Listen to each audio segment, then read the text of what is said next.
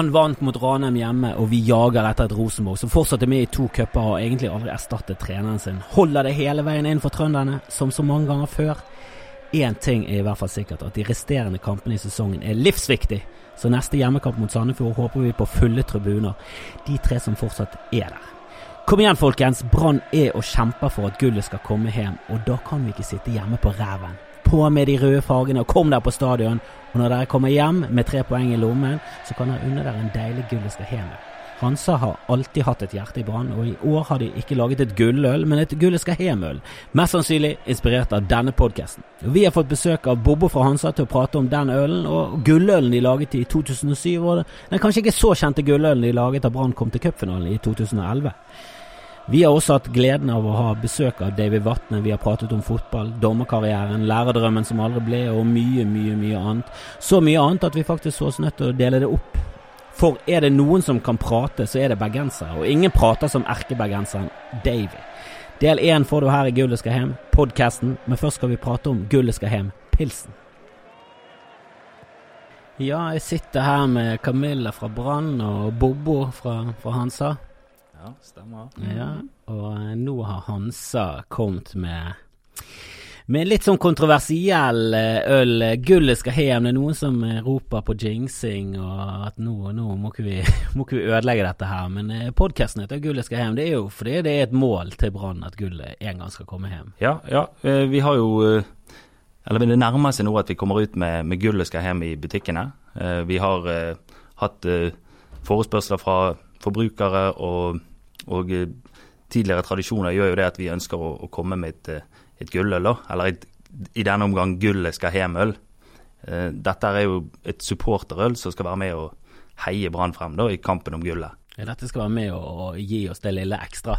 Absolutt. Så dette her har vi virkelig troen på. Ja, for, jeg husker jo forrige gang eh, Hansa kom, jeg, husker, jeg, vet ikke om det var første gang, men i 2007 så kom jo det her med det legendariske gullølet, da. Ja, det, det stemmer. Det ble... Som kom før, eh, riktignok vi hadde fått gullet, men det, da var det bare teoretiske muligheter for at vi skulle miste det. Så det, så det ble jo en sånn du du koste deg med hver eneste brannkamp, og, og det ble nærmere og nærmere at gullet kom hjem, og så kom det hjem med gullølet. Det var jo helt perfekt. Det stemmer. Altså I 2007 da husker jeg vi brygga 200, 200 000 liter med øl, og alt ble blåst ut ganske kjapt. Så det må absolutt uh, kalles en suksess, altså. Ja, for det er vel eh, rundt regnet 600 000 små, små pils. Ja, det ja. kan stemme. Det for det var, det var, sånne små flasker. Da var det den brune eh, bjørnungen som ble kalt på den tiden. Eh, det er jo, det vil du si, en ganske formidabel suksess. Ja, ja. Nei, vi har, eh, som jeg sier, vi har gode tradisjoner med å, å lage godt øl til, eh, til, ulike anledninger, og denne gangen her har vi òg tryllet litt, så gullet skal hjem. Det kommer til å bli bra, det òg. Ja, for det, det, er vel kanskje ikke alle som husker uh, gullølet som kom i 2011. Du, nevnte det før sending nå. og jeg må jo ærlig innrømme at den uh, cupfinalen har jeg rett og slett uh, slettet fra, fra, minnet mitt. Ja, ja, nei, men det er godt med korttidshukommelse. nei, vi, vi, laget jo et, et cupøl i, i, 2011, og det er klart det var, det var spennende og gøy helt til, til cupfinalen var over. og Det gikk ikke helt Brann sin vei den gang, så men, men det var et godt øl. og det solgte bra frem til cupfinalen. Ja, det er, vel ikke så mange som har lyst til å drikke gulløl når du sitter der med sølvmedaljen. Det, det, er helt sant, det blir ikke helt riktig. Men dette er jo gullet skal hjem, det er jo, det er jo en annen eh, profil, føler jeg. Det er jo en litt annen eh, vinkling. Det er litt mer sånn supporter nå, nå, nå er Hansa med og heier frem Brann, og nå håper vi. Det er mer sånn håp i. Absolutt. Tanken vår her med, med gullet skal hjem, er jo det at vi kommer med et øl som skal være med og støtte nå Brann frem i kampen om gullet, da. Så det ser vi virkelig frem til å få ut i butikken. Så jeg har sett boksen, jeg har sett det på eh, sosiale medier. Det er jo noen som, som roper ut Det samme skjedde jo når vi lanserte denne podkasten, at eh, nå, nå, ødelegger vi alt. Nå jinxer vi hele sjansene til, eh, til Brann. Altså, supporter er jo overtroisk. Men vi, vi liker entusiasmen, og vi, vi, skal være med og støtte de frem. Så dette er kun ment som at gullet skal hjem. Sier ikke noe om når, men det skal, det skal hjem. Men det er jo målet, sant, Camilla fra Brann? Det Ja, er jo det som er målet til Brann. Det er helt rett, og vi var jo utrolig glad for at eh, Hansa hadde lyst til å kalle ølet nettopp for 'Gullet skal hjem'. For det, det er jo det som er visjonen vår. Det er jo det vi jobber for hver eneste dag egentlig i alle ledd. Det handler jo om å få et godt fotballag og klare å bringe gullet tilbake til Bergen. Sånn at eh, for vår del så eh, kjente jo vi at vi ble utrolig sånn sjarmert over at Hansa hadde lyst til å hive seg rundt og og brygge et gullet skal hjem-øl. For eh, sånn som vi ser på det, da, så handler det jo egentlig om at Bergen funker. Bergen virker. Når Hansa brygger et gullet skal hjem-øl, da virker Bergen. Og det er jo det supporterne våre synger om fra første kampen eh, på stadion. Så eh, vi lever liksom med den der hengende over oss hele tiden. Ja, den sangen eh, gjallet jo fra tribunene nede i Obos-ligaen. Han, eh, han eh, ble sunget på treningskamper, så den, det er nesten så han ble sunget på trening. Så det er, det er jo en herlig sang. Jeg følte jo først at det, det ølet var liksom en, en hyllest av podkasten, en podkastøl, men det, det stemmer ikke. Ja, det, det får litt ære dere òg. Ja, det gjør det. ja, podkasten har fått sin egen øl, Ja, faktisk. herregud. Skal det være, så skal det være. gjør det såpass bra at, at Hansa har slengt seg på det. Men det, det er Hansa som gjør dette eh, gang på gang. eh. Syns du andre bedrifter i Bergen skulle hengt seg på? Burde det kommet en eh, gullkaffe fra Friele? Ja, så det, her er det opp til å være kreativ, tenker jeg, og, og vise støtten til Brann. Og kjenne, som jeg sier, altså, entusiasmen det som er i byen, det, det smitter over. Så oppfordrer alle til å være med på moroa. Hvordan er det nå ute på Hansa? Er det, er det, det er jo en bergensbedrift. Det er jo, det er en av de eldste bergensbedriftene. Altså, hvordan er entusiasmen der når det kommer til Brann? Er det liksom blir det, er blir det preget av det? Ja, det er jo klart det at, eh, at eh, Brann og Hansa har jo en, en god link og har alltid hatt det, så Vi har vel samarbeidet fra 1928, om ikke Ja, jeg tar ja, eh, stemmer det. Vi var- feil. vi var første sponsoren inne der, så, så det samarbeidet har vært, vart lenge. Og så vi har absolutt et godt forhold til Brann. og Når vi tenker bare fra, fra gutter på gulvet og opp til, til ledelsen, er det hvis Brann eh, gjør det bra, er, ser du det på humøret? Ja, det er er det liksom plystringene når trøkkføreren kjører rundt der på lageret? det, det er helt klart. altså Vi merker jo det stemningen etter en brannkamp, at eh, pausepratene går ofte i, i Brann og resultatene. og Med den sesongen de har levert nå, så har det vært mye god brannprat. Åh, det liker vi å høre. ja, det er ny. Varmer i hjertet. Men jeg må bare si en ting, da. Det var snakk om å oppfordre andre samarbeidspartnere til å gjøre, gjøre noe. Og vi har jo utrolig masse fine samarbeidspartnere. Eh, vi har eh, Brannbrødet f.eks., som er inne og, og har solgt eh, vesentlig bedre enn tidligere år. Når Bob nå eh, omprofilerte tribunen sin eh, på stadion til ny, eh, ny profil, så står det altså på alle trærne oppover 'gullet skal rett hjem' der òg. Så vi har det liksom med oss i alle mulige varianter her. Så vi, er- vi er jo utrolig glad for at vi har et godt engasjement både blant alle samarbeidspartnerne våre, men ikke minst òg supporterne, som følger oss i tykt og tynt. Men hvis, hvis det da skjer, da, hvis gull eh, kommer hjem eh, Ja, la oss si i år. Nå eh, er jo mulighetene der. Vi ligger oppe der. eh, Dessverre har jo trønderne kommet forbi oss. Men de har et litt eh, tøffere program enn Brann har. Så, eh, så mulighetene er jo absolutt til stede. Eh, kommer det et nytt gulløl øl fra Hansa? Er det noe dere kan love? Er det, er det noen rester igjen fra forrige gang? Eh, noen rester igjen, det, det tviler jeg på. Det begynner å bli noen år siden 2007. men... Laget lengst, eh, verdt å vente på. ja, er det litt ja, for lenge, jo. det? Ja, det blir gjerne i lengste laget. Men jeg, er kan, litt men jeg kan jo si det sånn at eh, hvis Brann klarer å levere gullet i år, så må vi klare oss å levere noen liter med gullet skal hjem, i hvert fall. Oi, oi, oi. Ja, det har vi noe å glede oss til. Ja, det, jeg gleder meg til å smake på dette. Jeg, jeg, jeg drakk min del av gullølet. Jeg syns det var, eh, var hysterisk gøy sist gang. Men eh, hvilken type øl er det? Er det en, er det en vanlig Hansa, eller har dere brygget en helt ny type øl som liksom skal Som har liksom noe innslag av brann i seg? Altså, For anledningen nå så har vi faktisk eh, gjort et eget øl. Det er en pilsner med et innslag av hvete, så den vil være lys og, og lettdrikkelig, da. Og hvete har jo litt sånn gullfarge i seg. Ja, ja. Litt sånn gullskjær. Det er en rød tråd her. Ja, ja, ja. Men det, er, det går rykter om at det faktisk er gull i pilsen. Ja, Det- ja det, det kan ikke jeg bekrefte her og nå. Du kan det, ikke bekrefte. Du kan ikke avkrefte det heller. eller? Nei, nei. Ryktet for å få lov til å leve. Ja. Ja, men det er herlig. Det, jeg gleder meg. Jeg merker jeg er litt sånn tørst nå. Nå har jeg drukket eh, litt kaffe i dag. Kanskje litt tidlig med en pils. Det er tross alt halv elleve på en tirsdag. Men eh, kanskje litt senere. Jeg gleder meg i hvert fall. Nå må vi holde øynene åpne, og så får vi sikkert med oss lanseringen. Absolutt. Ja, ja. Det blir spennende. Takk for uh, praten. Jo, takk for at jeg fikk komme. Takk. Jeg gleder meg til å åpne en boks, og dere får høre her hva dommen blir når den tid kommer. Før det skal vi høre på en fyr som er mer kjent for å drikke cola enn øl, men han er kjent for så mye med annet òg. En av de mest engasjerte bergenserne vi kjenner, og det sier veldig mye, for det er vel få folkeslag som er mer engasjert enn oss bergensere. David Vatne er en av Norges mest høylytte Brann-supportere. Har et engasjement for klubben som er stort, men er også ubeskjeden når det er noe han mener er feil. Han har meninger og uttrykker det gjerne, som noen ganger har ført han inn i trøbbel. Vi har pratet om livet som Brann- og fotballsupporter fra det første gullet i 1962 helt frem til sesongen i år, og hadde vi hatt mulighet, så hadde vi nok pratet ennå, for når David Vatne først snakker om ting han er lidenskapelig opptatt av, så er han ustoppelig, og han elsker fotball, han elsker Bergen, og ikke minst så elsker han Brann. Og her kommer første del av vår prat med erkebergenseren over alle erkebergensere, David Vatne. Ja, jeg sitter her i, i studio med David Vatne. Ja, du gjør det. God dag. God dag. Du, eh, jeg kjenner deg best som sånn eh, BT-journalist som, eh, som gikk rundt på Brann stadion på, på 80-tallet. Jeg husker det veldig godt. Eh. Du var, var, alltid, var alltid til stede der, var veldig aktiv. og jeg, jeg, jeg husker deg som en sånn eh, mann som hadde masse meninger. Eh, Min far var brannlege på den tiden, og jeg husker han kranglet litt med det. eh, Spesielt at det en kamp. Nei, jeg var- jeg kranglet ikke med meg, men Nei, vi eh, diskuterte.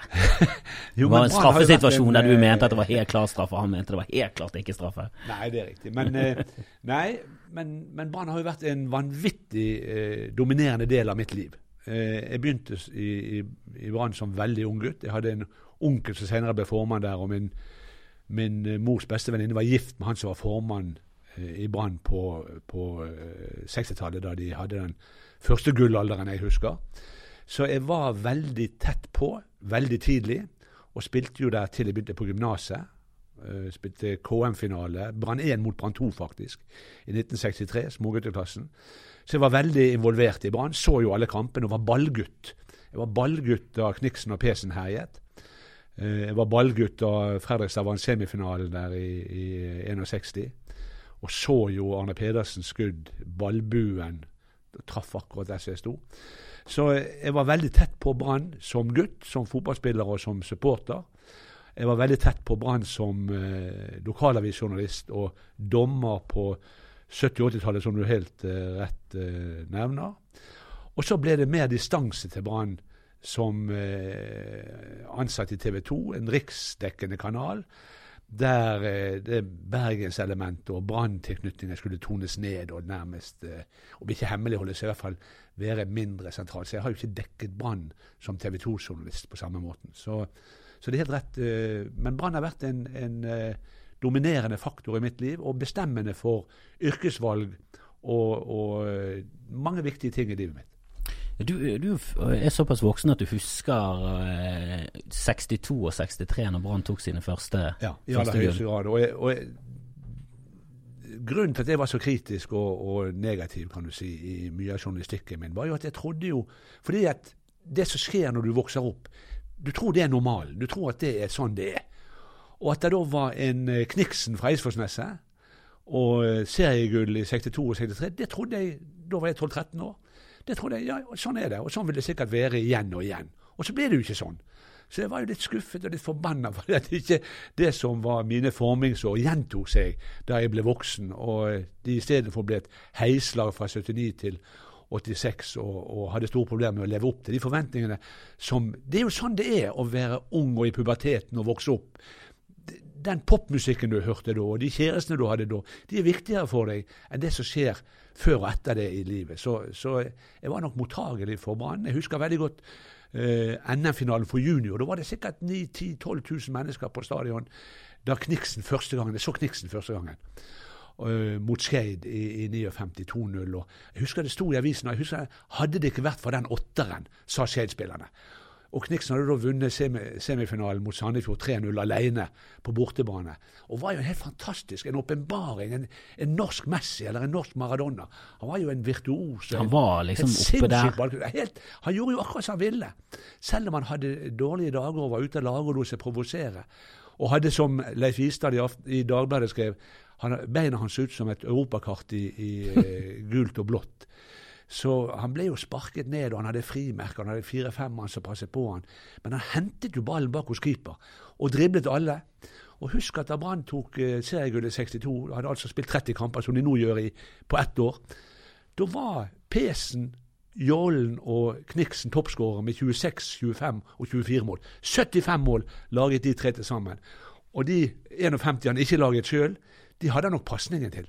Så Kniksen var en åpenbaring. Det betyr at de hadde, hadde liksom eh, to og et halvt mål i, i, i, snitt per kamp bare ved de tre spillerne der. Så det var jo en og, og jeg hadde jo Kniksen som trener. Kniksen trente oss om lørdagen. Vi var Branns uslepne diamanter og trente om lørdagen ekstratrening. Og Kniksen kom i landslagstrakten. Han hadde byttet til seg eh, en kamp mot Irland, og han hadde en grønn, grønn trøye. Og han og Pesen trente oss på Kokskrusen, der jeg nå parkerer når det er Brannkamp. Så, så, jeg har masse minner fra den første uh, fotballepoken min, og, og, selvfølgelig masse morsomme episoder med Brann på 70-80-tallet. Både da de var i medaljestriden midt på 70-tallet under Bill Elliot, og da de gjestet mer eksotiske steder som Ulsteinvik og Levangerneset som andredivisjonslag, som det het. Nå er det Obos, men eh, sånn var det på 80-tallet. Ja, det var det første og andredivisjon. Ja, sant. Så, så Nei da, det, det, har vært et eh, fantastisk liv, et rikt liv, og selvfølgelig for dere et forvirrende liv. fordi at hva er det med Davy, som er supporter eller sier han er bergenser, og så skriver han kritisk om Brann i avisen? Det, den der dobbeltheten, det å være både lidenskapelig Brann-tilhenger og kritisk, eh, kompetent, observerende journalist, det var nok en dobbeltrolle som forvirret mange, og som, som, skapte en del undring. Og som gjør at jeg tror supporterne fortsatt ja, det er Davy er sånn brannfiendtlig, eller Davy er brannkritisk, eller sånn. Ja, jeg, jeg, vil nå si at, at en, en Brann-supporter for meg er en som i, utgangspunktet er litt pessimistisk og litt redd for, for hva Brann kan finne på. Jeg så det på forskudd. Ja. ja. ja, men altså, du lærer jo av historien. Det er jo det som er Og jeg forundrer meg jo veldig over dagens journalistikk og dagens supportertilnærming. For jeg vet jo at Brann aldri har vært noe stabilt topplag. Altså, De hadde cupfinaletriumfer i 23 og 25. Det var det de hadde. Mot Lyn og Sarpsborg på tidlig 20, altså rett etter første verdenskrig. Og så var det seriegull i, i 62. Så det er jo så liksom denne, Vi er en toppklubb, og vi er svære, og, og det har man aldri vært. Og jeg syns det er rart at uh, eh, BA og BT har forventninger eller krav om det, og at supporterne tror at det er normalt. Vi har flott by, fint stadion, god stemning, uh, stort budsjett. Men noe sånn toppfotballkultur og, og stadige gullmedaljer, det har det ikke vært. Men eh, det har vært masse. Jeg har vært på ti cupfinaler med Brann. Ti cupfinaler! Og det sier jeg holdt foredrag oppe i, i Ulsteinvik med Hødd og, og for Kongsvinger i forbindelse med deres cupfinale. Så sier jeg jeg unner dere virkelig å komme til cupfinalen. For det kommer til å skje én gang i deres liv. Én gang i livet kommer en Hødd-supporter til å se laget sitt spille på Ullevål. Uh, jeg kommer stadig vekk til å være der. Det er jo hvert uh, sånn fjerde-femte år, så er jo Brann der statistisk sett. Ja, det har vært masse cupfinaler. I mitt liv så, så er jeg jo litt for ung til å egentlig ha noe glede av 82. Jeg husker at min mor og de var vekke, og, og at de var glade. Men det var Jeg husker ikke så mye av kampen. Jeg fikk det liksom med meg litt sånn eh, ja, rundt meg at noe hadde skjedd. Du vet at McLeod skåret med høyrebeinet. Det, er jo, det var vel den ene gangen i livet han var borti ballen med høyrebeinet. Jo, jeg, hus jeg, husker jo de spillerne. Jeg har jo truffet de med Cloud og, og Dalhaug. Han var uh, gymlæreren min uh, når jeg gikk på, oppe på uh, Fridalen. Så, så, jeg husker jo de spillerne, men de var mer ja, det var liksom, sånn gamle dager for meg. da. Ja, og Det, og det forbauser meg. Altså, Der er kulturforskjeller mellom Norge og f.eks. Italia, England, Tyskland, Spania. Supporterne til klubbene i de landene kjenner jo klubbens historie i detalj, og kjenner de gamle heltene. Tenåringer i Roma vet om legenden Nils Lidholm. Så, så, men, mens Brann-supporterne er liksom uforstående til, til eh, 70-tallet og 80-tallet. og Bryr seg egentlig ikke om det. Jeg skrev en bok og tenkte den ville jo alle supporterne kjøpe for å lese om hvordan Brann var før. Men det interesserer ikke dagens unge. Så der har det skjedd et eller annet. Der er Norge eller Bergen annerledes enn England, der gamle helter hylles. Selv om du aldri har sett dem spille, kommer de innom, så vet du hvem de er, for du kjenner klubbens historie. Der er, men samtidig så sier jeg mine foreldre snakket om eh, brødrene Skagen og om Oddvar Hansen og om Kviten. Og det tenkte jeg, men det er jo i steinalderen. Og det var jo tross alt etter krigen. Så det var jo bare ti år før jeg begynte å interessere meg for Brann. Så- Men nå er jo kanskje Italia og, og England, kanskje sammen med et par eh, søramerikanske land, de landene som bryr seg mest om dette. da. Selvfølgelig, men, men jeg mener For det- det- der er jo fotball noe som, helt, Som eh, Fjellskog, unikt. gammel brannkeeper og, og også lege, som din far, sier jo historie er det viktigste. for Skal du forstå det som skjer i dag, så må du kunne historien. Du må, du, og der mener jeg Branns historiske forutsetninger og Bergen bys historiske forutsetninger burde eh, få supporterne til å ha en, en høy toleranse for å feile og for å gå på trynet og for til og med å rykke ned. For det er en del av, av Brann-historien. Det er den bergenske mentalitet og den bergenske væremåte. Ja, det, jeg føler at jeg har fått nesten inn med morsmelken her med opp og ned og tape cupfinaler. For jeg husker jeg var på cupfinale i 88, i 90, Sant. alle de gangene vi møtte Rosenborg, det var vel i 95, der, det var, der vi var fornøyd med uavgjort og omkamp, og så tapte vi. Det- Men det var liksom Det var stort men å da har være du en på form. Ullevål. Du, du er formet da. Du vokste opp på 80-tallet. Ja. Jeg vokste opp på 60-tallet med seriegull. Og, selvfølgelig nedrykk året etter de tok seriegull. Mens du vokste opp på 80-tallet der de rykket opp og ned og opp og ned. sant? Åtte år på rad med opp og er verdens, det er jo verdensrekord. Det er jo ingen lag som har rykket opp eller ned hvert år åtte ganger på rad. Det er jo helt sinnssykt. Det burde jo vært utdannede heismontører i hele Bergen. Ja, det, var, det har vært mye Det har vært mye rot og mye kaos i klubben. Eventyrlig. Men føler ikke at klubben nå har tatt opp til et litt sånn nytt nivå når det kommer til driften og profesjonaliteten. Det er jo det som er problemet. Jeg skjønner jo ikke den negative vinklingen og, og kritikken mot Brann, og, og hvor, hvor eh, systematisk negative en er i lokalpressen. Og så sier de ja, men du var jo mye Ja, men jeg sier i min tid var jo det bare amatører. Det folk var jo idioti. Ja, det var jo ledere som var der for å skape interesse eller oppmerksomhet om sin private bedrift eller sin lokalpolitiske karriere. Det var jo ikke proffe fotballedere. Nå er jo Brann en moderne organisasjon, en bedrift med 100 millioner i omsetning. Det, var jo, det er jo en helt annen tid, med helt annen, helt annen kompetanse, helt annen strategi. Det, jo, det går jo ikke an å sammenligne med det røret som det var da. Altså, de, der kommer en keeper fra, fra Greåker, så tar de fem skudd på snødekket stadion. Nei, du ser god ut, vi ansetter deg. Og så var Kai Jensen altså, eh, Bilsen tok fem straffespark på han med Romica-støvletter. Og så var han ansatt i Brann med, med to jakker som målstenger. Det var jo helt latterlig. Og, og det, det er jo det det der at på en måte tidene har forandret seg. Så det, det er jo en helt annen virkelighet. Så må du kritisere dem på andre premisser, da. At de ikke er gode nok på, på spillelogistikk, eller ikke har gode nok kontrakter, eller ikke bruker pengene sine rett. Men, men det blir en helt annen tilnærming enn du hadde på 70- og 80-tallet, da det var det rene amatøreri. Ja, jeg vil si eh, ja, litt inn på 90-tallet òg. Jeg syns jo når Teitur eh, Tordasson kom, så han er i hvert fall en trener som som de satser på og ga litt tiltro, og han har holdt på et par sesonger. Men, men tenk da han kom her i 88. Tenk det, så, dere som er unge i dag. Du taper fire kamper på rad, og du går i 17. mai-tog uten et poeng. Uten et poeng! Tenk å gå i prosesjonen på 17. mai, og du har null. Du har tapt 1-4 for Molde 16 mai, og Molde fikk utvist en spiller. De økte til 4-0 med ti mann på banen. Så ble vi, fikk, fikk vi riktignok en redusering med Halvor Storskogen, men 1-4 på 16. mai og null poeng. God tur rundt i byens gater, sier jeg. Men han husker jeg som en, en god trener, en som, eh, som ja, førte inn litt sånn selvfølgelig. Islandsk nøysomhet og jordnærhet og, og øh, Ja det er helt rett. Men Jeg syns han var liksom et riktig sted. Men da var, da var trenerteam og sånn, det var bra. Men jeg husker ledelsen. Det var så mye kaos. Det var så mye Og Permitteringer, ja, idiotiske ja, avgjørelser helt som du bare Du, du, du dro jo det i håret ja, hver gang er du leste om det styret.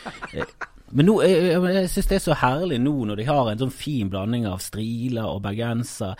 Virker som veldig sånn jordnære folk, og de har en LAN Ja, men eh, passer, det, det, det passet fordi at du ble jekket ned og fikk et nedrykk og, og måtte nullstille og, og liksom eh, tillært ydmykhet en periode. Det er masse som går på nei, det er ikke festlig nok, det er ikke underholdende nok, de spiller for gjerrig, det er for lite sjanseskapende, det er for lite risiko. Så det, der er, det er jo sånne slitasjeproblemer over at ja, er kjempemiljø i Brann og sammensveiset gjeng og kameratskap i vår da de vant og vant og vant. Nå er det litt sånn skurring, å, det er ikke så god stemning i garderoben lenger, Vito kritiserer holdninger. Så det er noe eh, Det er skjøre byggverk. Det er alltid det er alltid risiko for at ting kan klappe sammen. Klart det, vi har jo gått gjennom en sommer nå med undring og forvirring, og vi blir forbanna og oppgitt og frustrert over at en nøkkelspiller som trenerens sønn plutselig heller vil spille i, jeg skal ikke si bakgårdsklubb, men det er jo, det er jo en, en, en, klubb i Danmark som er mest kjent for å ha arrangert en, en, konsert med Rolling Stones to dager etter at Rolling Stones var i Bergen. Det er jo det Horsens er. Og så er det sånn De har 19 baner eller et eller annet sånt ute på et jorde der Mick Jagger sang. Så at det liksom mer, det, det, gjør noe med hele vår tilnærming til Brann, hele vår oppfatning av, av, klubben og betydningen klubben har når trenerens sønn kan stikke der. Så, så, det er jo et svært byggverk. altså Det er jo en sårbarhet i, i, alt sånt. Det er jo bare Rosenborg som er stabile, forutsigbare, har økonomiske muskler og kan kjøpe Niklas Bentner. Så de driver med en helt egen øvelse de har ikke vært nede, de har vært oppe der hele tiden. De har vunnet først 13 ganger på rad.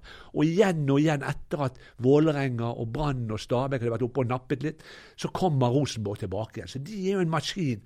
Men alle andre alle andre har jo vært nede. Se på fra 2000 til i dag. Godset har vært seriemester, men de har også vært i andredivisjon. Brann har vært seriemester, har også vært nede i, i Adecco eller eller hva det het det året.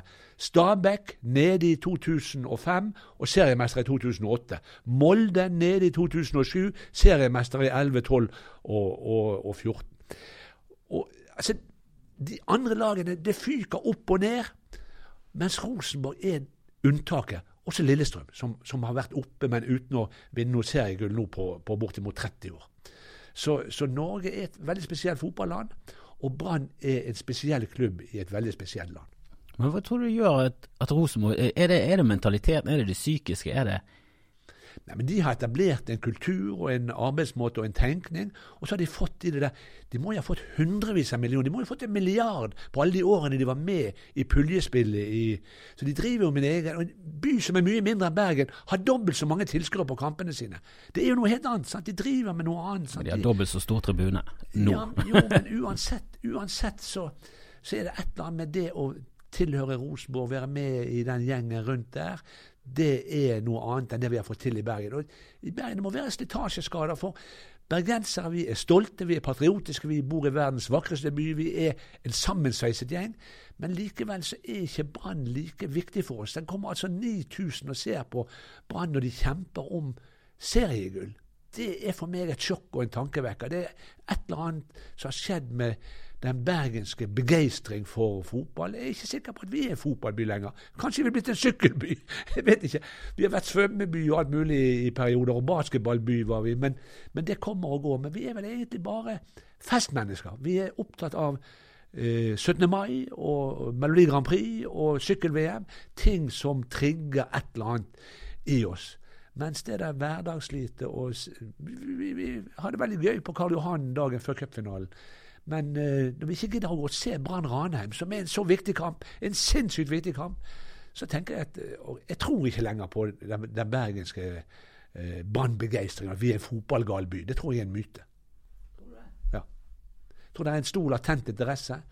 Men, og, og det, handler, det, handler, også om den moderne fotballen. Spillerne er der fordi de tjener mer penger der enn andre steder. Og hvis de kan få tilbud fra Horsens eller fra andre, så går de videre. Og det gjør et eller annet grunnleggende med meg og deg, og med alle som brenner for Brann, og stolte av Brann og har et lidenskapelig forhold til Brann. Når spillerne ikke bryr seg, når spillerne egentlig vil spille i en større klubb i en større liga og bare er, ser på Brann som en mellomstasjon eller et springbrett videre, da utfordres selve kjernen i det å være supporter. Jo, enig om at det begynte dårlig det overgangsvinduet, men jeg syns jo vi endte opp med å få veldig mye gode erstatter for uh, både Sivert og, og, dekket igjen et par hull som vi hadde i troppen. Og, og det, jeg syns jo det sier litt når Steffen eh, Skålevik ringer til uh, Lars Arne Nilsen, og så, så, sier han at dette har jeg lyst til å være med på. Så. Men, men sånn burde jo 22-mann vært. De burde vært der fordi at de aller helst vil være der. De burde vært opptatt av å vinne noe med Brann og bli udødelige i Melodi Syfjell. Det måtte jo være det ideelle for supporterne supporter, altså spillere som virkelig brenner for det og er stolte og, og tilfreds. Husk det er mange som har kommet her med slumrende karrierer og har fått en oppblomstring i Brann. Jan Halvor, Per Egil Ahlsen, Hassan El Fakiri. De har, de har tatt den bergisen der, Raymond Kvisvik, og har løftet seg og virkelig innfridd våre forventninger og levd opp til, til det vi på en måte syns vi kan kreve av en Brann-spiller. Men så har du en Kimojo sånn, som kommer da fra Trysil. Fra Trysil! Og blir superstjerne. Og Brann spiller cupfinale og kjemper i toppen. De er veldig nær medalje med, et, eh, med forsterkninger fra Obos og, og krise under Steinar Nilsen. Og så liksom Nei, heller Liksom, de verdsetter ikke det. Altså, Det er ikke viktig nok, det er ikke stort nok å spille for Brann og være med på ting i Brann. Kan du si det, det er det samme med, med Jonas Svensson og, og, og Mitsjø og Markus Henriksen. De forlater Rosenborg. De vil heller spille midt på tabellen i skyggen av uh, Feyenoord og Ajax og PSV i Nederland enn å vinne the double med Rosenborg. Det er også for meg helt ubegripelig. Helt ubegripelig. Forstår du ikke denne drømmen om å, om å om å liksom ta det ett steg videre, komme seg ut av Norge. Det er, har jo alltid vært et sånt springbrett for å komme seg videre. Til og med Kniksen reiste jo. Jo, men nå har jeg vært i, i uh, mer enn 70 land i fem verdensdeler. Og jeg syns ikke det er så sånn. Det er mye gøyere. Jeg lengter hjem. Jeg vil heller være hjemme enn å være i Nagano og, og alle mulige eh, fjerne steder. Jeg syns det er fantastisk. Og det å på en måte skrive fotballhistorie her, og være med på noe skjellsettende, og eventuelt få en, en statue ved siden av Christian Michelsen, sånn som Lars Arne Nilsen snart har gjort seg fortjent til, det må jo være mye større enn å, å spille i skyggen av de store midt på tabellen i Nederland. Altså, hva sa Nederland? Ikke har de fjell, ikke har de fosser, ikke har de fjorder. De har jo ingenting. De er jo en eh, altså, Jeg er enig med deg. Jeg, vil, jeg, vil, eh, jeg, er født og oppvokst i denne byen, og jeg er veldig glad i Bergen. Det er veldig mange i, i mine yrker som reiser til Oslo, for der er det større muligheter, større sjanser. Større Men, muligheter for hva? For å gå, gå i hundene? Nei, for altså, jeg driver med standup, stå på større scener for å komme seg på TV. Men jeg, jeg syns jo Bergen har noe. Har det lille ekstra. Det, ikke, det må, ikke, må, ikke, være noe mål å komme på TV. Det nei, ikke veien til lykke. Nei, men det er jo det. Du ser jo på de unge nå. De, de ønsker å bli kjendiser. De ønsker ja. å bli gjenkjent. Altså, jeg, jeg, så en serie der det var en, en jente på 15 år som snakket om at hun drømte om det å bli gjenkjent. Og da tenkte jeg bare sånn ja, Men det er jo ikke noe gøy å bli gjenkjent. Når jeg holder foredrag for hvordan kan jeg bli sånn som deg? Så sier jeg, hva mener du med det? Det blir så kjent som deg. Jeg sier, Hvis du drømmer om det, så må du uh, finne på noe helt annet. Da må du begynne i, i rockeband og spille fotball.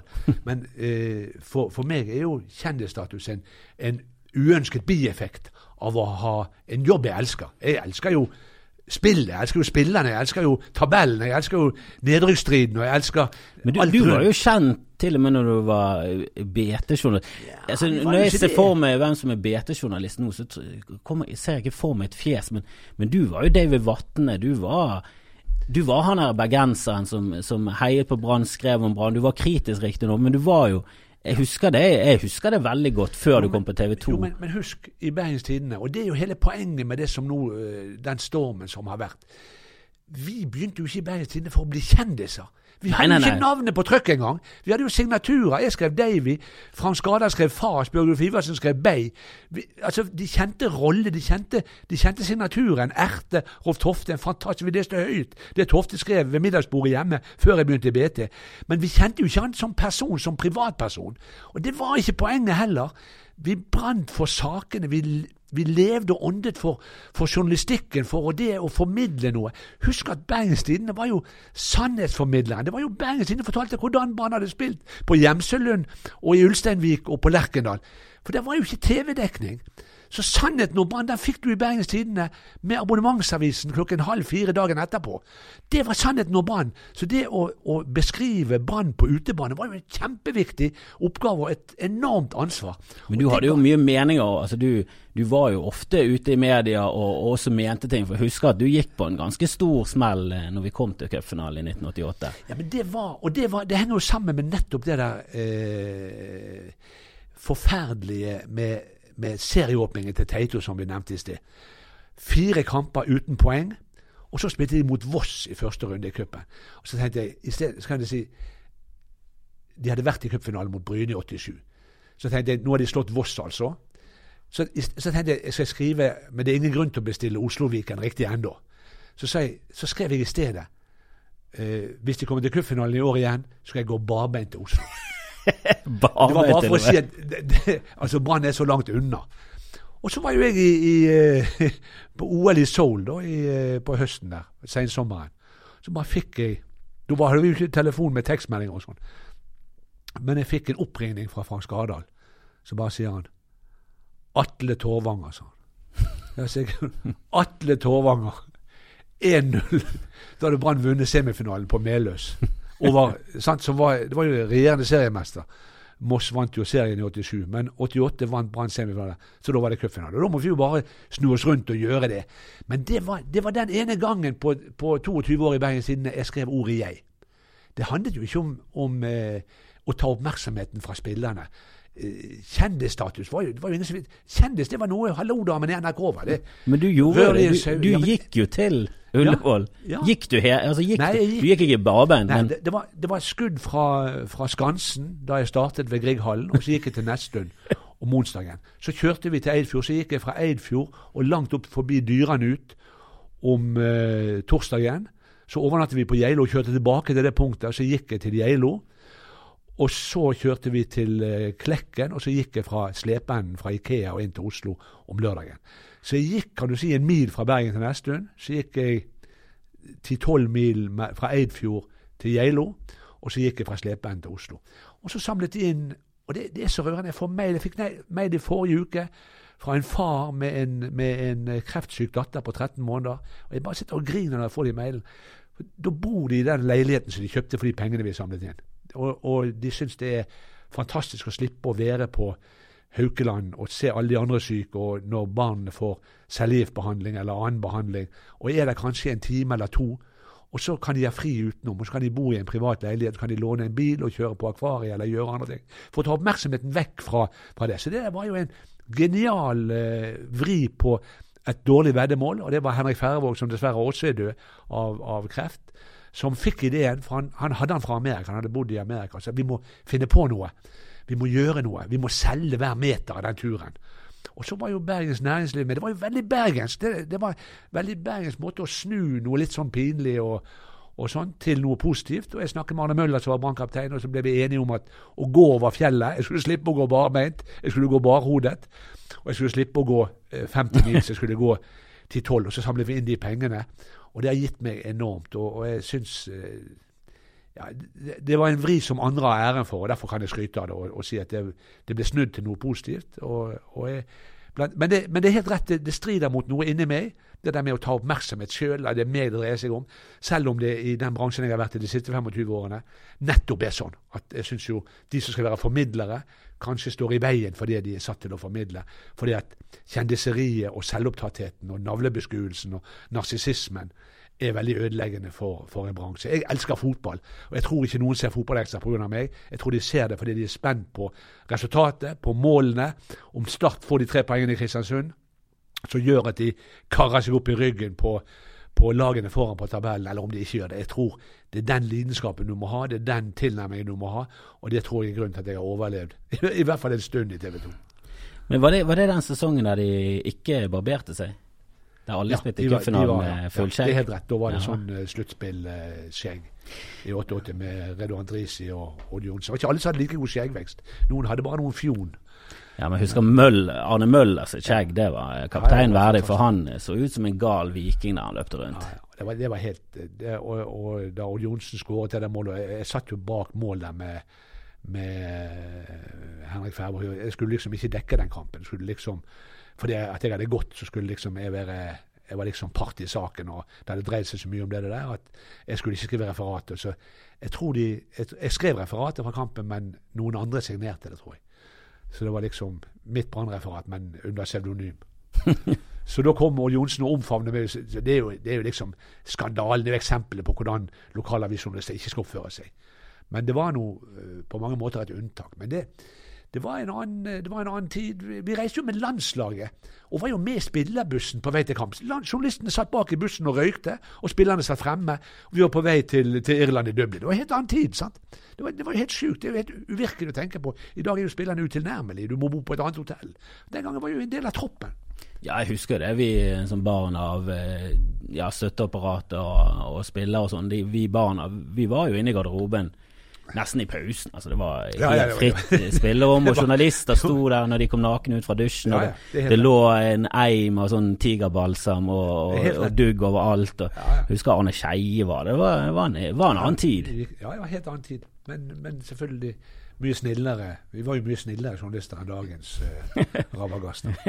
Men du, du har vært eh, fotballdommer. Eh, altså, var du oppe i altså, Dømte du Ja, førstedivisjon, altså toppfotball? Nei, altså Jeg begynte som fotballdommer. Historien er jo sånn at jeg, jeg eh, spilte jo fotball fra jeg kom hjem fra skolen til jeg la meg, helt til jeg var 15 år. Og da begynte jeg på latin igjen, og da sa min mor nå skal du begynne å gjøre lekser. sa. Nå har du gått øh, folkeskole og realskole, som det het den gangen, uten å gjøre lekser. Nå skal du vær så god begynne å pugge. Så hun plasserte meg på latinlinjen på Katten, og der var jo masse pugging. Så jeg sluttet helt med fotball. Og etter tre år, uten å ha sparket en ball, så flyttet vi på Nedre Åsvet, og da måtte jeg ha en eh, retur til fotballen. Og da begynte jeg i Eidsvåg eh, som dommer, og, og ble dommer. Og hadde en eh, ja, Jeg vil ikke si suksessrik karriere, men jeg hadde i hvert fall rask, eh, rask vekst til eh, kretsdommer og forbundsdommer. Dømte Horten-turneringen, som var da de eh, kretslagene for junior. Og dømte i det som nå heter Obos. Dømte veldig mye Vard og Sogndal og Ulsteinvik og Molde og rundt omkring. Og så var jeg linjemann i, i eh, toppdivisjonen. Men jeg var jo primært journalist. Så jeg skrev jo sannheten om mine dommerkolleger, og det tålte de ikke i Fotballforbundet. Det plaget de veldig. Jeg skrev jo en blant annet eh, en fra, en som, han, han er fra en klubb som heter Hørte. Det er nede i Telemark. Så skrev jeg navnet hans, og så Hørte, men så ingenting, skrev jeg. Så jeg var et eh, og det, Jeg ble oppfattet som illojal eller ukameratslig av henne. Men som, som jeg sa til Ville Simonsen, som var dommersjef, jeg er journalist. Det Bergens Tidende betaler meg lønn. Jeg må skrive sannheten om eh, min dommerkollega. Så jeg var nok et problem også der, eh, med min stil og min eh, måte å, å si tingene på. Sarkastisk og ondskapsfull som jeg er. Så det ble, det ble dårlig mottatt. Men jeg, jeg var på nest høyeste nivå. Og dømte jo Brann Os, begge de kampene i 1980. Både den på Kuventre og den på stadion. 1-0 til Brann på Kuventre og 2-2 på, på stadion. Og dømte jo svære kamper med Brann. Dømte jo etter cupfinalen i 76. Dømte jo Brann Newcastle som en sånn eh, jubelkamp tre dager etterpå, med Malcolm McDonald som spilte for Newcastle eh, den kampen. Og så gikk han til Arsenal for 333 333 pund. Det var jo en overgangssum som var helt hinsides, og som aldri ville komme til å bli slått. det er helt sant. Supermac hadde skåret fem mål mot Kypros i landskamp og var eh, det heteste. Så han spilte der oppe med Ellen Goling mot Brann. For fulle tribuner og, og jubel etter cupfinalen i 76. Jeg dømte, var linjemann da Brann spilte mot Leeds der, før de, før de skulle spille europacupfinale mot Bayern München i, i 75. Da var jo de her og spilte treningskamp mot Brann. 15 000-16 000 tilskuere. Da var jeg linjemann.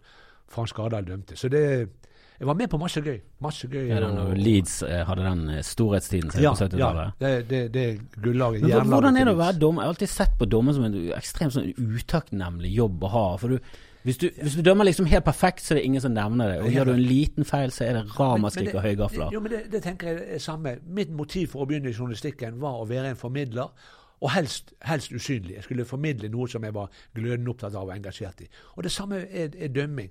Du, du blir ikke dommer hvis du vil bli helt, eller hvis du vil bli kjendis.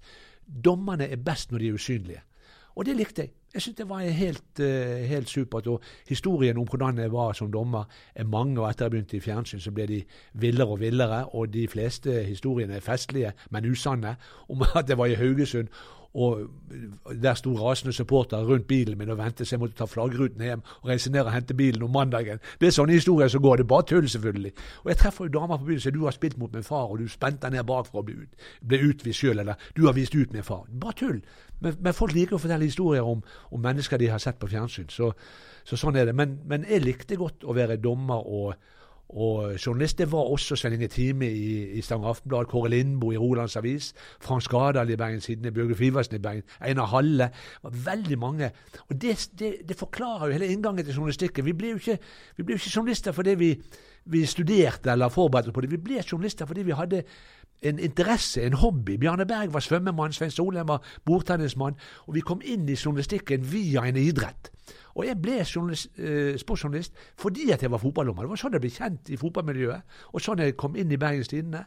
Helt tilfeldig. Jeg er jo egentlig lærer. Det er jo det jeg er med, med norsk historie og latin som fag. Og jobb på Voss fra 1.1.1975 som latinlærer. Men da rykket Os opp. Og både Os og Brann var i toppdivisjonen i 75, så jeg fikk tilbud om å bli eh, ansatt nummer fire i, i sporten i, i Bergenstiden. Nå skulle bare være det et par år mens min kone tok utdanning på, på Stord, og så skulle det bli seriøs lærer fra, fra 79. Men så ble det jo så mye surr og rot og tilbud og, og gøye begivenheter, fotball-VM her og OL der, og så ble jeg værende, dessverre. Jeg skulle ønske at jeg hadde valgt å, å bli lærer heller og gjort noe fornuftig. Ja, jeg vet ikke om Ja, det er jo en eh, beundringsverdig jobb å være lærer, men den virker Fantastisk. veldig Det må jo være den viktigste jobben vi har. Din far, altså leger, og min, min mor gråt seg i søvn hver natt fordi at jeg ikke ble lege. Det plaget henne virkelig. For jeg hadde jo karakterer til det. For det, det fikk du hvis du gikk på latin igjen, så fikk du jo meget i alle fag. For det var så enkelt alt annet enn latin. Hvis du da fikk meget i latin i tillegg, så kunne du bli lege. Og det var mange av de eh, klassekameratene mine på latinlinjen som, som ble. Hvis de ikke ble krimforfattere som Gunnar Staalesen. Men, eh, men uh, poenget var at uh, Eller er at jeg ikke tåler å se blod, og syns sykehuslukt og sykdom er noe forferdelige greier. Så jeg elsket å gå på skolen. Jeg likte faktisk å gå på skolen. Så jeg var ikke spesielt flink, men jeg syntes det var gøy å gå på skolen. Så jeg bestemte meg, jeg var sikkert ikke mer enn i ti år gammel, at her skal jeg alltid være. Jeg skal være i klasserom. Jeg elsker kollektivet. Jeg elsker fellesskapet og utdanne meg til lærer, og skulle bli det. Jeg var fast bestemt på det, på tross av min mors eh, forventning om at jeg skulle bli lege. Og eh, at jeg ikke ble det, det syns jeg er trist å tenke på. For når jeg, når jeg eh, treffer gamle studiekamerater, og jeg har vært på masse sånne skolejubileer og holdt foredrag for, for videregående elever og sånn, så tenker jeg det må være det rikeste og mest meningsfylte det går å se unge mennesker vokse og blomstre og utfolde seg, vokse i klokskap, utvikle kritisk sans og bli eh, samfunnsgagnlige mennesker, det må være det mest meningsfylte og givende som er. I tillegg til selvfølgelig å være lege og få, folk friske. Det å være lærer må være fantastisk. Ja, men det er liksom en nedside der også, for eh, leger ser folk dø, og at det går dårlig med folk. Og, og, og være lærer må også være, må være så ekstremt provoserende å se de som ikke gidder, de som gir faen. og ja. jeg, jeg, vet ikke om jeg hadde taklet Nei, men det, det, hadde ikke vi, vet du. Det, det var jo ikke rus eller omsorgssvikt eksisterte jo ikke. Jeg er vokst opp på 50-60-tallet. Jeg har aldri gått på, på skole med Altså, jeg var eneste skilsmissebarnet i de tolv årene jeg gikk på skole. Altså, Vi kom jo fra Amerika. Jeg har amerikansk far, og min mor kom her og gifte seg igjen. Og var gift med sin mann nummer to resten av livet. Men jeg gikk jo aldri på skole med noen som hadde skilte foreldre. Og rus eksisterte ikke. Jeg bodde i Konrad Morsvei. Ingen jeg, jeg kan ikke Narkotika eksisterte jo ikke. Og fyll Det var masse fem-seks sånne blokker med tolv familier i hver. Det var, det var, ingenting Det var ingenting sånne belastende greier. Det var, alt var Det var jo idyll. Vi hadde jo ingenting. Så, så, det var en sånn uskyldstid. Så, så, i dag er du mye mer kompleks. Sant? Å være lærer i dag, jeg skjønner det, er mye mer krevende, for du må være mye mer enn bare en underviser. Du må være faktisk Det er et veldig ja, hardt yrke. Helt sikkert enormt krevende. Beundringsverdig. De som vil være. Det jo, det, det er jo som jeg sier, eh, jeg har jo ikke vært altså, Jeg har vært journalist, men jeg har jo hatt en rolle, totalt oppslukende rolle. Jeg har gått inn for dette med liv og sjel, og levd og åndet for Bergens Tidende eller for TV 2. Og det ville jeg jo gjort som, som, lærer også. Og jeg tenker, hvis du, hvis du har den holdningen og den tilnærmingen, så er det fantastisk. Hvis du ikke har det, så er det selvfølgelig et helvete. Og det slo meg da jeg var på foreldremøter. Jeg har to døtre som har gått på forskjellige skoler. Og, og tenkte men hvorfor er du lærer, tenkte jeg noen ganger. Ja, det er noen ganger Hvorfor er du lærer? Fordi du ikke fikk en, en, eh, en, den jobben du egentlig ville ha? Er det liksom en sånn nødhavn? For jeg tenker at det, enten er det sånn at du er lærer, eller så er du ikke lærer. Og sånn er det også. Enten er du journalist, eller så er du ikke journalist. Enten er du dommer, eller så er du ikke dommer. Du kan ikke dømme når du ikke forstår fotball, sånn som de holder på oppe på stadion nå. Men jeg, jeg vet ikke. Jeg, eh, så, jeg, tror er, altså, jeg, tror det er, fantastisk hvis du har grunnholdningen. Og jeg, ser på disse her eh, Jeg var ute på Olsvikåsen på jubileum der, og jeg må si jeg gråt meg i søvn den kvelden. For det, det var så nydelig å se det Børge Fredriksen, så gammel goalgetter på, på Baune, og en kar fra Bryne som giftet seg med en dame. Stakk selvfølgelig av med fineste damen i byen, og ble værende og spilte på Nymark. De hadde vært lærere der, og den tonen de hadde med elevene, den statusen de hadde i elevenes liv, fantastisk. altså. Det var så rørende. Det er så flott. Og jeg husker jo mine lærere. Fru Rollefsen, fru Oppedal, fru Flesland. Framnes, Vassend, Haldis Kvinge, dere er diamanten i, i mitt diadem, sa hun. Altså, det, de, var, de elsket jo jobben sin, de elsket elevene, de forgudet oss, de tilba oss. Sånne lærere. Ja, jeg, mine døtre hadde ikke det, dessverre. Sikkert flinke folk, men, men det var et eller annet Lærere var stoltere, tror jeg. De, de i Konrad Mosheim som hadde eh, bil og hytte på landet, det var jo lærerne. Så antagelig hadde de bedre lønn på 50- og 60-tallet enn de har i dag. Jeg vet ikke. Hvordan var lønn som fotballdommer? da? Fikk du noe? Nei, ingenting. ingenting. Vi, vi, vi, 180 kroner fikk dommeren, og 90 kroner fikk linjemannen. Men vi fikk betalt reisen. Og så kom du jo rundt, og du blir jo kjent med folk. Det var jo fantastisk. Det var jo gøy. Men hvordan, hvordan opplever dommeren kampen? er jo alltid lurt på. Får du med deg noe av kampen? Ja, er altså. Ja, du hvordan er det å se, Du er jo liksom inni møljene der. Altså, hvordan er det å, å se en kamp fra den vinkelen? jeg, jeg det, altså jeg, jeg likte det. Jeg, elsket det. Og hadde jo god tøysete, fjasete tone med spillerne. Og når det kom Jeg forteller, jeg treffer jo disse gamle fotballguttene. Så sier de 'Faen, du var gal', sa du. Vi kommer så vi bytter en. Det må være minimumsvar til du, jeg. Martin Mortensen på Vareng. Fordi de hadde spilt så dårlig, da. Dommer, vi skifter en mann. Ja, det må jo være minimum. sier. Så, så det var jo sånn eh, Og jeg husker jeg forså meg en gang og kom opp på Da sto de og ventet på Kronsminnet. eh, Baune og Nymark. Så sto de, sto de der klar. Jeg kom sikkert sånn ti over. Så de sto klar. Med, eh, så sa jeg hva er stillingen, sier jeg. Jeg kom ut på det. Som om de hadde spilt noen minutter uten meg.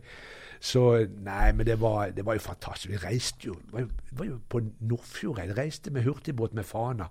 Og Eid, eh, Eid Fana spilte om søndag klokken ett. sant? Og banen sto under vann. Så jeg skjelte ut arrangøren. Så dere må jo øse her.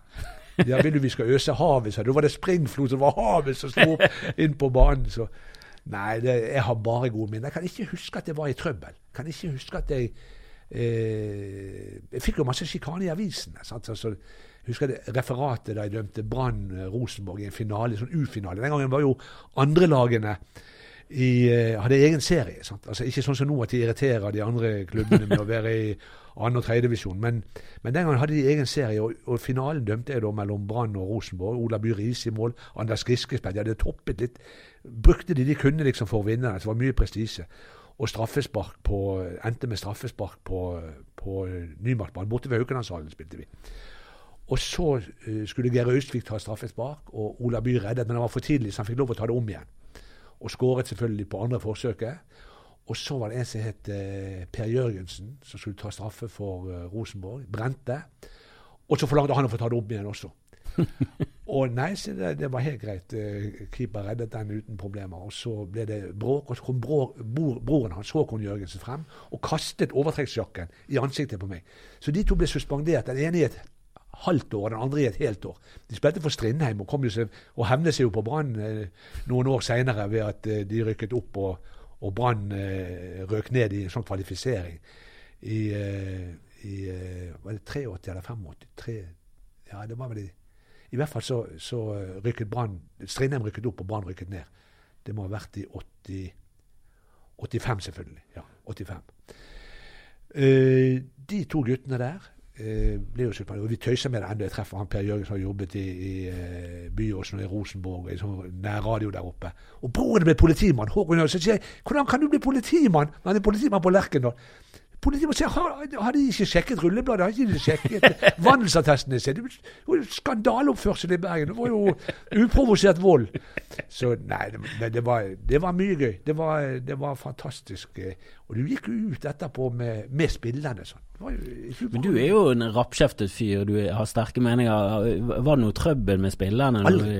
Aldri. Fikk du noe munnbruk mot deg? Nei, jeg husker jeg, jeg viste ut en spiller på, på Kuventre en gang. En, så, en, brutal takling. En fra en, fra en bergensklubb. Jeg husker ikke om det var Nøst eller Viggo eller en av de klubbene der som var litt sånn nede i divisjonen. Det var, det var en helt brutal nedklipping ute på siden. han viste ut. Så måtte jeg vise ut uh, Bjørn Riise, som var keeper på, på Tertnes. Det var faktisk en juniorkamp mot uh, Brann. Fordi at reglene var blitt sånn. Det var en ny sånn innskjerping med, med bakerste mann. Og det er de to gangene jeg viste ut noen. Så jeg hadde jo full kontroll og, og, og, koste meg. og Jeg tror jeg hadde en god tone og god kjemi, og var jo en del av et dommermiljø i Sandviken med Reidar Bjørnestad og, og, Rune Titlestad og Egil Bø. Så jeg begynte jo der etter å ha vært i Eidsvåg da jeg var ferskdommer. og Et dommermiljø. Og vi reiste jo rundt. Det var jo ikke, det var ikke sånn som nå, at det var dommerteam sammensveiset og, og drillet. Den gangen var jo det det, Jeg ble utstyrt med, med linjemenn som var vill fremmede, og ofte var de elleville supportere på Fosshaugane. Og jeg var sjøl linjemann for Ivar Fredriksen eller Henry Øberg eller Rolf Nyhus. De store dommerkanonene i Stavanger eller på Bryne eller når jeg var rundt i, i toppdivisjonen. Og jeg husker jeg, jeg var linjemann for Sverre Euskien Olsen i Stavanger en gang. og, og Mjøndalen skåret et mål. Mjøndalen var jo da eh, ferske på høyeste nivå, og Viking var jo seriemester igjen og igjen og igjen. Erik Johannessen spilte ut fra femmeteren. Egil Solberg fanget ballen på 20 meter og banket den rett i mål. Helt grei goal. En løp mot midten. Og Sverre Skien Olsen, som da spaserte ut mot midten med ryggen til, hadde ikke sett det, og dømte nytt utspill. Så ble det ville protester, og alle samlet seg rundt med dom. 'Linjemann, linjemann!' 'Du så det, linjemann! Det var en helt fin mål', uh, helt fin mål sier Mjøndalen-spillerne. Og alle, så jeg hadde jo 20 spillere rundt meg. Så kommer Sverre Øystein Olsen. 'Linjedommer så ingenting', sa han. For det var liksom i dag ville jo Svein Olvar Moen si ja, vi var heldige, eller vi, var, vi traff godt med den avgjørelsen. Det var ikke noe vi den gangen. Linjedommer så ingenting, sa han. Sverre Øystein Olsen, gammel teologistudent fra Kristiansand. Andre del av praten vår med Davy kommer i neste episode. Det er ingen fotballrunde neste uke, men Brann skal spille mot Haugesund borte når den tid kommer, og herre min hatt! så vanskelig det blir.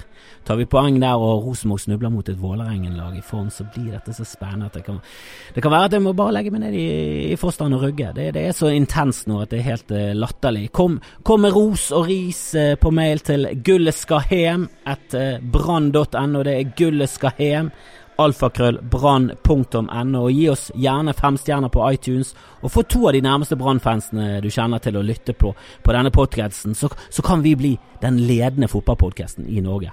Vi kommer tilbake med andre del av praten med Davy i neste episode, og i mellomtiden så kan dere alle gi meg en B.